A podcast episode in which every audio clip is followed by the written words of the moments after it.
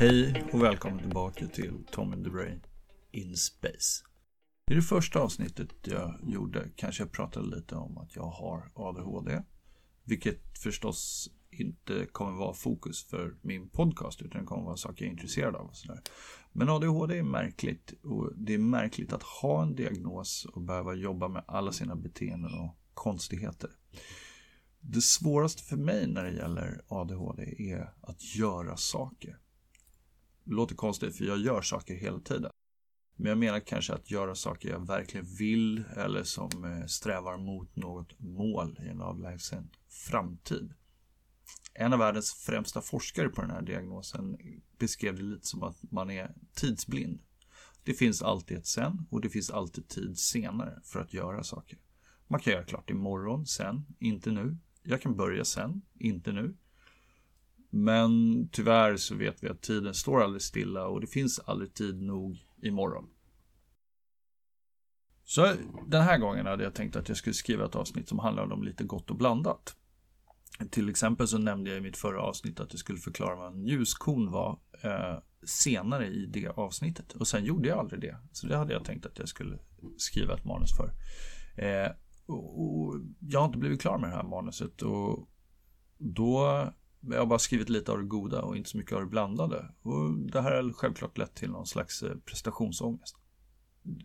För mig ser den här ångesten, och det är inte bara jag eller andra människor som har ADHD som drabbas av det, men det är det som är en klassiker. Nu har det, så gått, nu har det gått så lång tid att det är för sent. Ångesten. Man skjuter upp något så länge att det till slut börjar bli pinsamt. Att man börjar med det så sent när det skulle ha varit gjort för så länge sedan. För det klassiska svaret på eh, om man säger jag har inte gjort den här saken för jag började inte med den är ju varför började du inte med den här saken och gjorde den istället för att inte göra den? Och det finns aldrig något speciellt bra svar att komma tillbaka med utan det, den enda förklaring som har funnits tillgänglig tidigare för mig har varit för att jag är dum i huvudet. Det är väldigt bra den liksom omfattar ganska mycket den här för att jag är dum i huvudet. Men det kanske inte är för att jag är dum i huvudet, utan det kan bero på något annat. Men nu vet jag om att jag är så här, så då försvinner problemet. Nej, problemet är fortfarande kvar. Det är det som är jobbigt. Bara för att man vet om att man har cancer så slutar man inte ha cancer. ADHD är inte cancer. Det är inte det jag säger. När det går länge innan jag tar tag i och börjar med nästa avsnitt så börjar jag känna att jag liksom är kass och att jag inte borde ha en podcast för det dröjer så länge innan jag sätter mig ner och tar tag i ett avsnitt. Och sen så kommer jag över någon slags kulle och kommer på att jag kan kanske bara göra ett avsnitt och så blir allting bra. Så nu sitter jag här och ska bara göra ett avsnitt för jag kom på att det goda som jag hade skrivit för det här Gott och blanda avsnittet var både tillräckligt långt och tillräckligt intressant för att vara ett helt eget avsnitt. Jag och min hjärna är inte helt överens om hur jag vill leva mitt liv. Eh, som vanligt, om du vill stödja podcasten med ett litet bidrag kan du gå in på patreon.com kidvhs. Eh, alla små slantar hjälper och leder till att jag köper böcker och annat för att studera roliga saker som du kan få lyssna på här så slipper du läsa dem själv. Ljuskoner, kan jag nu förklara det här för dig? Nej, jag har läst på och studerat det lite närmare och eh, jag kommer komma med en förklaring till det senare. Eh, för att det är ett ganska komplext eh, begrepp som vi kan behöva gå lite på djupet. Framförallt så vill jag ju förklara det för dig i ljud och talform här och då behöver man en riktigt bra förklaring för att eh, lättast att förklara är om man gör det visuellt. Jag kanske gör en YouTube-video om det istället. Nej, dagens avsnitt kommer handla om gökar och deras ägg och hur funkar egentligen evolutionen? Har jag gått och blivit ornitolog? Eh, gökar är ganska coola. Jag har alltid varit eh, intresserad av gökar eftersom de Ja, det, det, är en knäpp fågel helt enkelt. Jag vet inte hur du tänker, men när man tänker på naturen så tänker man att naturen är harmonisk och i balans. Vi har alla sett Lejonkungen, livets cirkel och kretslopp och allting är så här vackert. Men så är naturligtvis inte naturen. Den är orättvis och hemsk på alla sätt och gökar. Av alla djur som skulle kunna finnas som liksom bevisar det här så är gökarna ett av dem. Och det kanske är för att de är parasiter. Eh, som gör att de liksom jag tror det egentligen bygger på att vi människor har en inbyggd, genetiskt faktiskt, för vi delar det här med aporna, ett sinne för rättvisa. Saker och ting ska vara schyssta. Och gökar och andra parasiter, de kör inte fair play. Huh. Okej, gökar, det är en fågelart. Det finns flera stycken. Eh, de finns över hela Eurasien och migrerar med årstiderna. Vintrarna spenderar de i Afrika, den bästa världsdelen för migrerande fåglar. Eh, men göken är alltså en parasit. Vad är den för slags parasit? Jo, det är en fågelboparasit. Jag tror jag har ett riktigt namn. Jag tror det heter nesting parasite på engelska eller någonting annat. Eh, för att optimera sitt eget liv så har de helt enkelt eh, effektiviserat sin avkommehantering genom att eh, lägga ägg i andra fåglars bo och sen bara låta den fågeln ta hand om deras avkomma. Eh, fåglar är inte så supersmarta så att eh, de eh, är programmerade att stoppa mat i gapande fågelungemunnar. Och gökungar har precis som alla andra fågelungar en gapande mun att stoppa mat i. Så det är jättebra. Men den här ungen då, varje gök när den ska lägga ett ägg så lägger de ett ägg i en annan fågels bo där det kan finnas flera andra ägg. När gökungen kläcks så knuffar den ut de andra äggen och eventuella eh, adoptivsyskon över kanten på boet. Nice! Fåglar är ganska smarta, vet vi ju. Det kommer förmodligen vara så att vi måste prata mycket om fåglars intelligens i framtiden.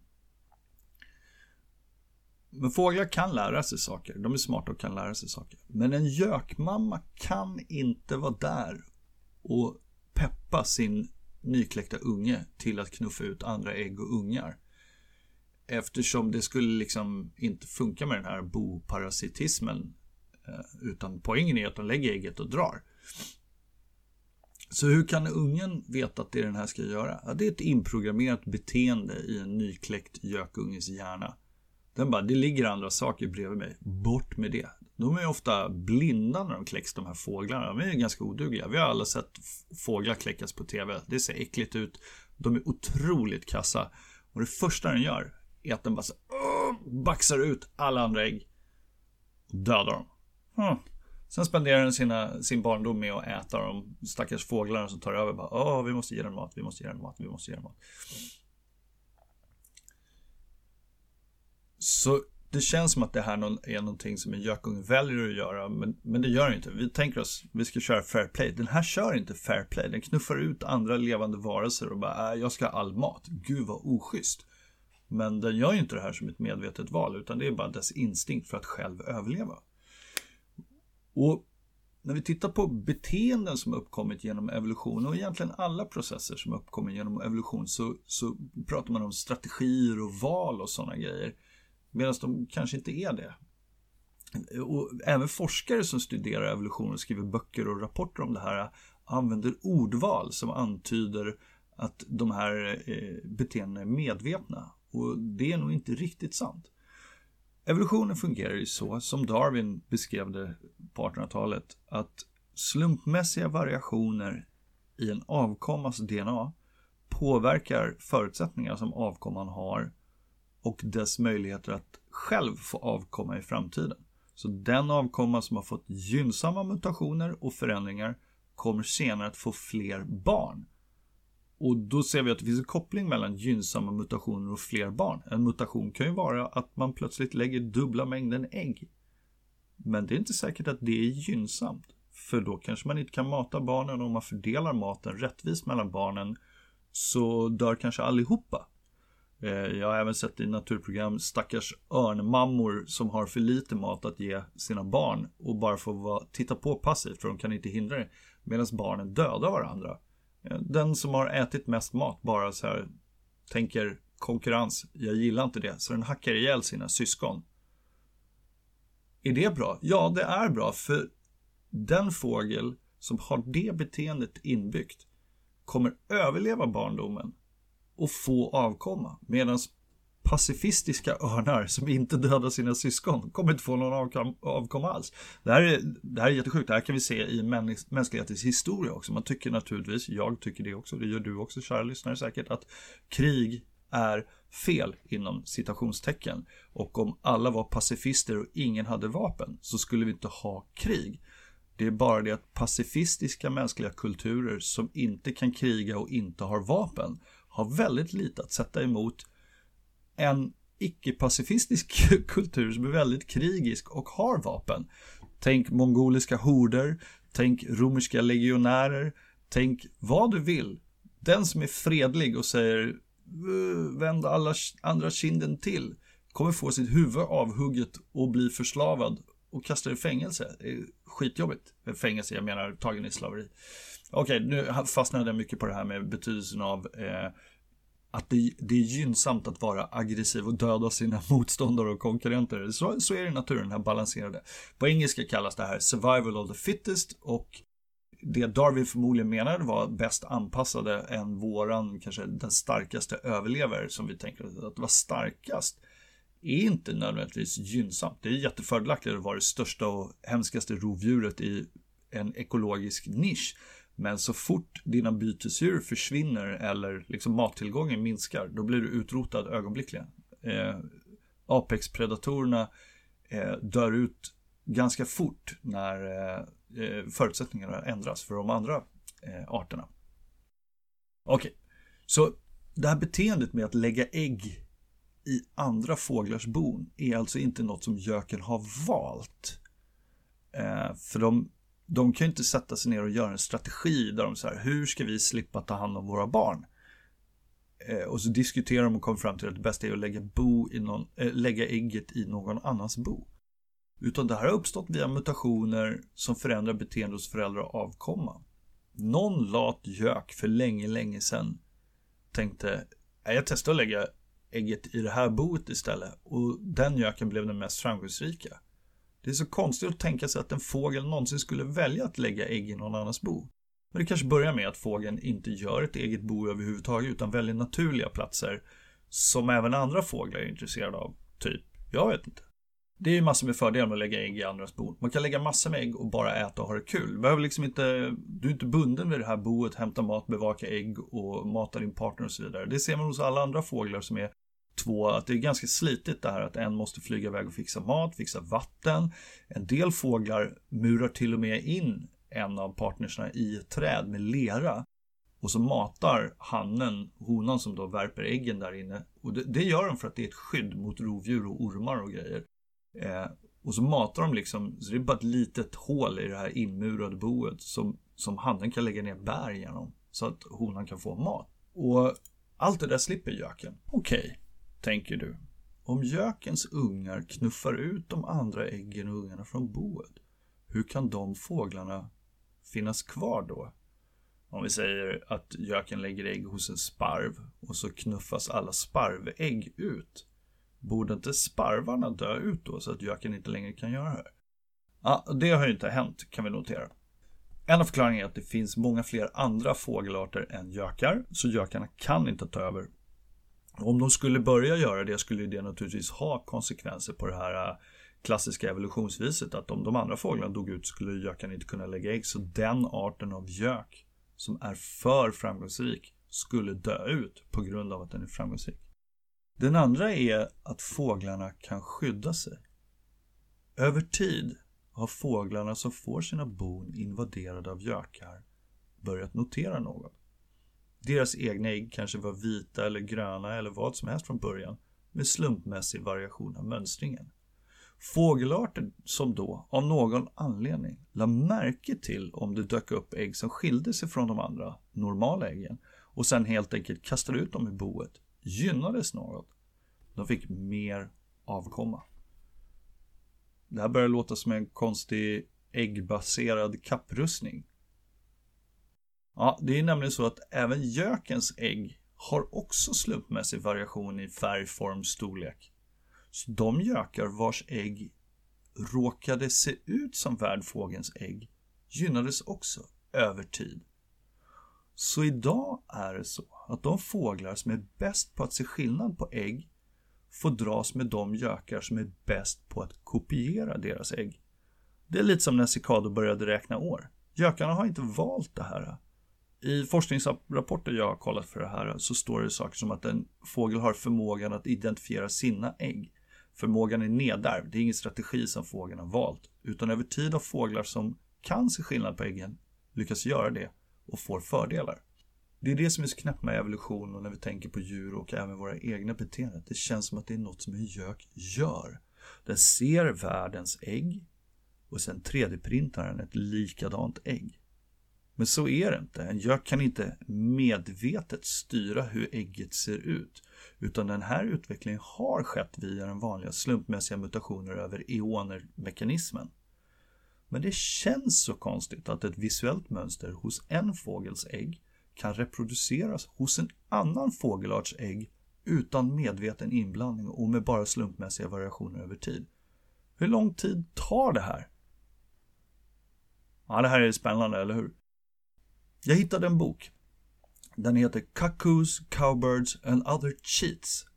Eh, och det är en bok skriven av en ornitolog eller vad nu forskare som forskar på ägg och deras fortplantning kan heta. Eh, och man kan väl säga så här att naturligtvis har man grottat ner sig i det här på en nivå som är ganska absurd. För man har gjort bisarra experiment. Vi kommer till dem. Eh, men värdfågeln, den som ska ta hand om äggen, måste ju kunna urskilja sina ägg från en göks. Men den får inte ta fel och tro att dess egna ägg är gökägg. Den vinnande variationen över tid har man noterat verkar vara att värdfåglarna får stor individuell variation Fela mig, inte individuell. Man får stor variation på äggens utseende mellan honor inom arten men låg variation hos varje individuell hona. Det skulle kunna ta sig uttrycket som att eh, en hona lägger ägg med stora bruna fläckar på och en annan hona lägger ägg med små bruna fläckar på. Det är samma art av eh, fågel men två olika individer. Men varje honas egna ägg är rätt lika varandra. Det gör det ju väldigt mycket svårare för en gök att eh, ha den lämpliga mutationen som passar in för varje hona av den här arten. Eh, den kan inte trivialt ha en egen variation som gör att den lägger rätt ägg för en specifik individ av sin värdart. Så individuell variation hjälper som skydd för de här parasiterande gökarna. Ett annat beteende som den här forskaren som har skrivit den här boken stötte på under sina studier är att vissa fåglar inte kastar ut misstänkta ägg såvida de inte har tillgång till mer information. Här kommer vi tillbaka till det här med intelligens hos fåglar. Eh, och det här är verkligen ett uttryck för liksom ett beteende snedstreck intelligens som eh, liksom handlar om beslutsfattande. Det här kan man se hos en art av rörsångare och andra våtmarksarter. De kastar inte bort misstänkta ägg utan behåller samtliga såvida de inte har sett en gök. Uppstoppad eller äkta. Så ja, de här forskarna stoppade upp gökar och terroriserade eh, rörsångare i en våtmark för att se om de skulle kasta bort sina egna ägg. Eh, schysst! Men om den här fågeln såg eh, en gök i närheten av boet, då kastar den ut äggen. Varför då? Ja, det är ju logiskt. Om vi tänker så att det finns en kostnad, en, en nackdel över tid, om vi tänker evolutionsmässigt. Kostnaden är alltså en nackdel över tid kopplat till att kasta bort ägg. Vad skulle det kunna vara för nackdelar då? Jo, fåglar har ju inte händer, så de måste göra allting med näbbar och klor och, och, och vingar. Så när man ska kasta bort ett ägg, då är det ganska stor risk att man har sönder ett eget ägg. Stora fåglar kan plocka upp äggen och kasta bort med näbben och bara skicka iväg dem. Men mindre fåglar kan behöva knuffa ut dem i boet. Då kan ägget rulla tillbaka och skada egna ägg. En del fåglar kan behöva göra hål i skalet för att få ett grepp. Och de kan ju välja fel ägg, det kan vara deras egna. Därför förekommer det faktiskt hos mindre fåglar att de överger hela boet om de upptäcker ett ägg som inte verkar vara deras i boet. En annan nackdel är ju felaktiga identifieringar. Rörsångare har i vissa studier eh, visat att de tar fel i en tredjedel av fallen. Deras ägg kanske ser lite annorlunda ut. Om man stoppar in ägg som uppenbart skiljer sig åt så gjorde de aldrig fel. Så det kan hända att de kastar ut sina egna ungar. Alltså om ägget är ganska likt deras, då, då tar de fel i en tredjedel av fallen. Om det är väldigt olika ägg, då, då gör de inte fel. I de fall man har presenterat en uppstoppad gök i närheten av rörsångarbo så händer det att de kastar ut ett av sina egna ägg. I områden med rörsångare har man kunnat hitta utkastade rörsångarägg vid 5% av bona.